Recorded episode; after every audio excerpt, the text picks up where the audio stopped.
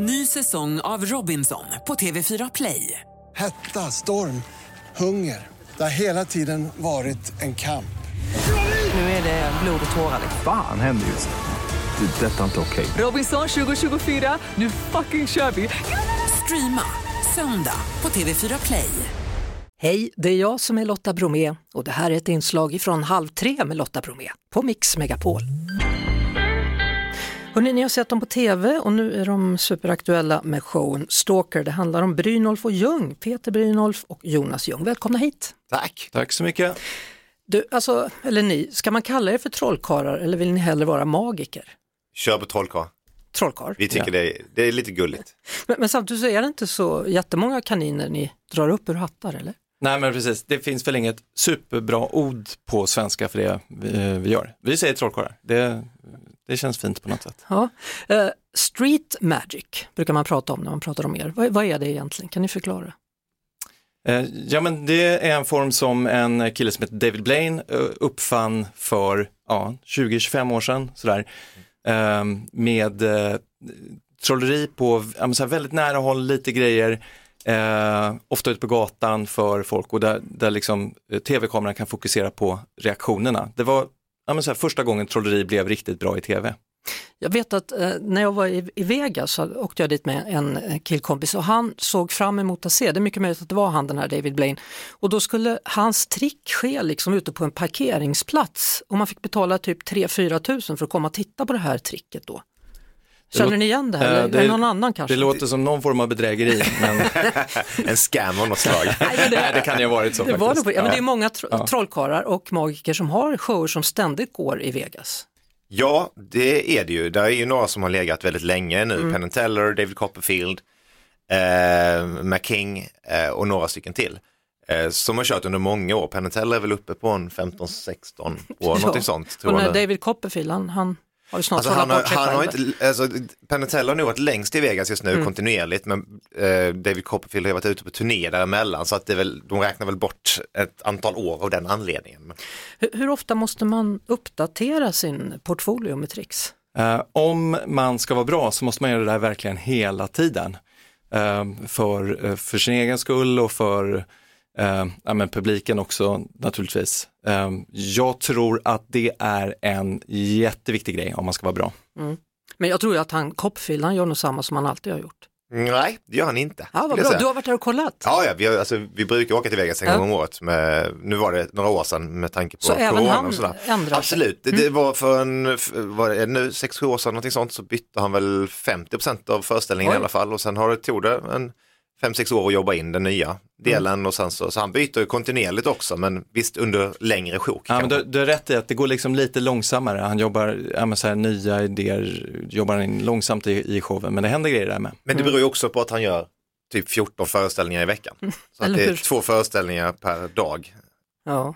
Och till och med 15 kanske, jag tror det är tre Ja. på lördagar. Liksom. Så, att, så att jag menar, då, då ska man hinna, ska man hinna. skapa och plocka in nytt material också.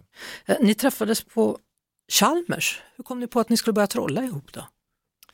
Alltså vi träffades i Göteborg, jag pluggade arkitektur och Jonas eh, jobbade faktiskt som trollkarl då redan. Så att eh, det var ju via Göteborgs Magiska Klubb. Eh, men Jonas bestämde sig för att han skulle bli trollkarl och jag snubblade nog lite mer in på det via min bror som jonglerade. Jaha. Och, och arkitektdrömmarna? Alltså, jag renoverar, det räcker för mig. ja. Va- Var det självklart för dig att bli trollkarl? Eh, nej, det var det inte. Inte att jobba med det i alla fall, men det var självklart att försöka bli bra på det. Eh, när jag var liten så eh, jag såg trolleri på tv. Jag tror SVT sände liksom trolleri varje så här, jul, nyår och jag var helt, jag var helt uppslukad av det. Fick en trollerilåda och så visste jag inte vad jag skulle göra av det där sen. Jag visste, eh, alltså, det var svårt, jag hade ingen att fråga och sådär. Så att, eh, sen lade jag ner det och när jag var 17 då eh, Hans Crispin som var programledare på TV4, han körde ett program som hette Magiskt och då blev jag jätteinspirerad. Då bestämde jag mig, okej det här ska jag lära mig, det här ska jag bli bra på. Men det här att jobba med det, det kom lite senare. Mm. Och att, och att jobba tillsammans med någon då? Det är väl alltid så när man sysslar med kreativa yrken att man tänker och pratar med eh, kollegor att ah, men vi ska, borde vi inte göra något tillsammans? Jo, det borde vi. Men sen var det så att vi hade en kompis som skulle gifta sig och då satte vi ihop ett första nummer till det här bröllopet. Och det blev liksom lite grann starten. Och sen så när man väl har skapat någonting tillsammans så upptäckte vi ganska snabbt att det här var ett ganska bra koncept. Eh, ni har ju tävlat i trolleri-VM i Kina och inför 11 miljoner tittare då i Britain's Got Talent. Vilket var mest nervöst? Jag tror Britain's Got Talent, för Ja. att inte bara dött i direktsändning för väldigt, väldigt mycket människor, utan det var så stressigt in på där, så att när vi, när vi gick ut i direktsändning, då var det första gången som liksom allting eh, var på samma plats som det skulle vara, att vi kunde vara på just den scenen med den ensemblen som vi jobbade med och, och allting, så vi hade liksom fått öva på ett kontor i London innan och ja, det var jättenervöst. Eh, Hur gör man för att hålla liksom fingrarna igång? Alltså det, jag ska säga det, det, det är lite som att cykla.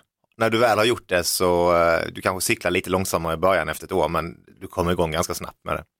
Så det, det är liksom, har man en gång lärt sig det så kan Alltså man. det, ja, vi har ju sysslat med det så otroligt mycket under så ett, extremt lång tid så att alltså, vi är väl uppe snart i 30 år. Här, liksom. Vad, vad är det som är grunden för ett bra trick då? Är det att göra det snabbt eller är det att vara just snabb i sina fingrar eller är det att lyckas förvirra mig eller någon annan så att vi inte begriper vad som pågår? Ja, men det är nog lika svårt att svara på egentligen som vad, vad är en bra bok eller en bra eh, låt eller så här. Det, det där, kan man knäcka det där, det vore ju fantastiskt. Men att ska man skapa någonting nytt, det bästa är nästan bara att, så här, att sätta igång för att man kan hålla på och fundera hur länge som helst. Men det är först när man så jobbar med det som man undersöker och så är det ofta ganska dåligt i början och sen blir det bättre och bättre och så får det ta tid och ja, så svårt att svara på den frågan men det är, det är en mystisk process det där. Eh, ni ska strax göra ett trick här i studion då. Eh, på Instagram så startar vi nu då på Mix Megapols Instagram så startar vi nu en livestream så ni som lyssnar om ni är nyfikna så kan ni följa det här tricket då som vi strax kommer att göra. Ska man vara orolig? Ja, Eh, Du får vara orolig. Vem sa ja? Vad- Ly- lys- Lyssnarna behöver inte vara så oroliga. Okej, någon som buktalade. någon som var buktalade, du. var det jag? Ja. Ja. det är inte klokt det här. Hur viktigt är det med allting som är runt omkring? Eh, Tricksen. Det är jätteviktigt i våra shower.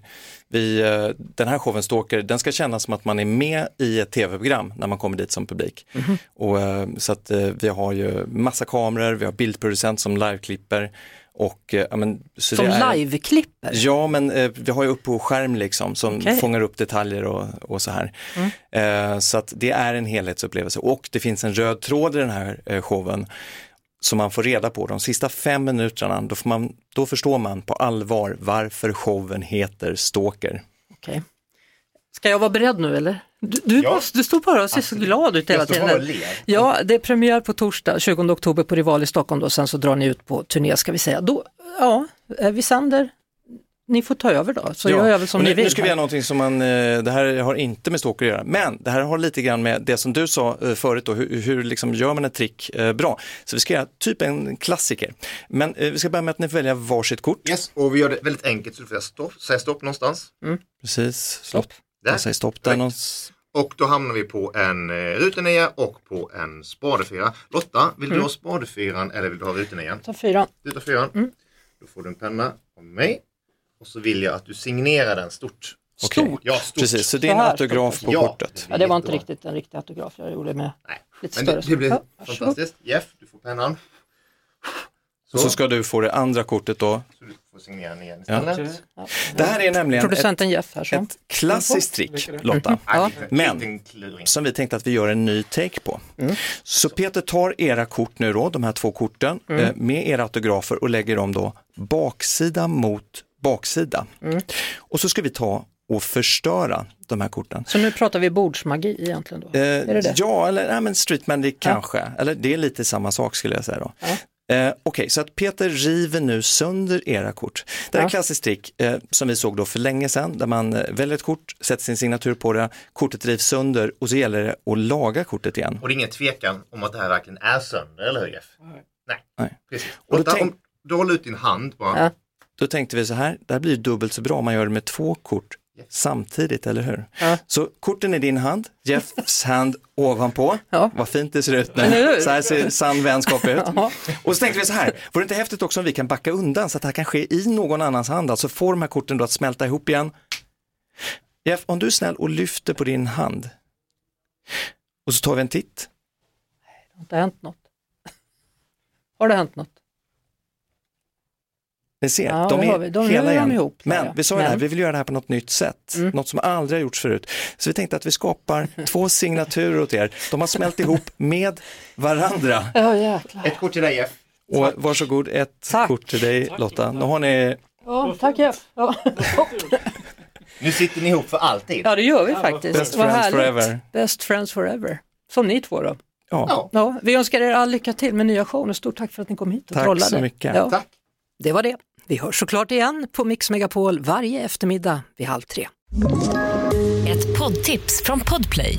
I fallen jag aldrig glömmer djupdyker Hasse Aro i arbetet bakom några av Sveriges mest uppseendeväckande brottsutredningar.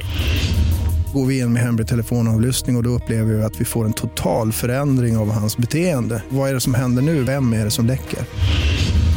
Och så säger han att jag är kriminell, jag har varit kriminell i hela mitt liv men att mörda ett barn, där går min gräns. Nya säsongen av Fallen jag aldrig glömmer på Podplay.